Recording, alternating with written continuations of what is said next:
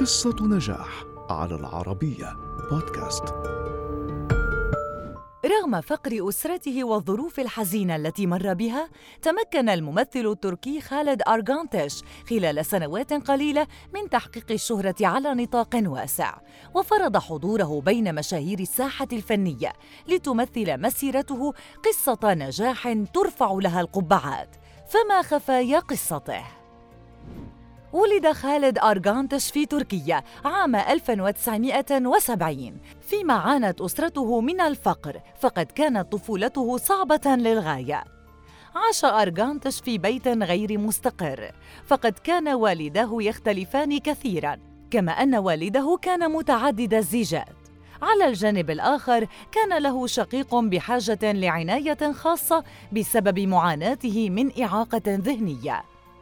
انفصل والداه في أول يوم دراسي له ولم يترك والده المنزل فزادت المشكلات لكن أرغانتش كان مصرا على تحقيق ذاته وأدار ظهره لكل المعيقات في بداية مشواره الدراسي اتجه لدراسة هندسة السفن، لكنه تحول لاحقا لدراسة التمثيل والموسيقى، ومن هنا بدأ يحلم بأن يصبح نجما كبيرا. لم تكن الفرص التي حصل عليها في ذلك الوقت كافية فكان يعمل بشكل متقطع وكان يقتات من دروس الرقص ولكن ما يتقاضاه كان اجرا زهيدا لم تكن لديه الأموال الكافية ليعيش حياة هانئة.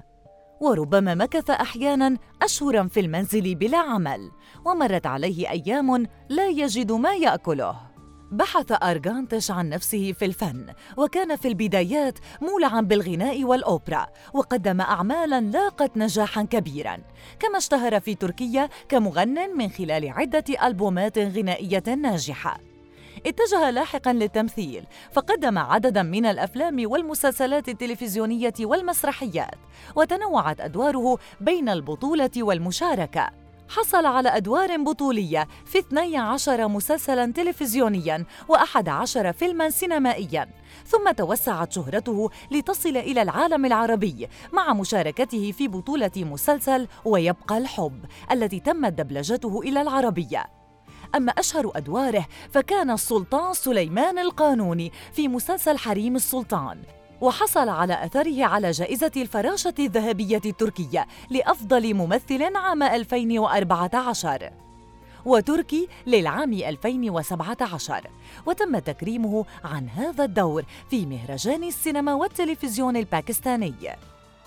بالإضافة إلى جائزة الفراشة الذهبية التي حصدها أكثر من مرة تم ترشيحه لعدد من الجوائز الفنية. وحصد عددا من الألقاب كان أبرزها جائزة تلفزيون بلكنت كأفضل ممثل درامي وجائزة جامعة يلدز لأفضل ممثل عام 2017 مر أرغانتش بالكثير من التجارب الصعبة في حياته الشخصية بدءا من وفاة والده وانتحار ابن أخيه ثم وفاة السيناريست صاحبة الفضل عليه الكاتبة مارال أوكاي ثم رحيل صديقه الممثل القدير تونغل كورتريز. وانتهاء بوفاة والدته كما فشل في زواجه الأول قبل أن يرتبط بشريكة نجاحه في مسلسل ويبقى الحب بورغوزار كوريل.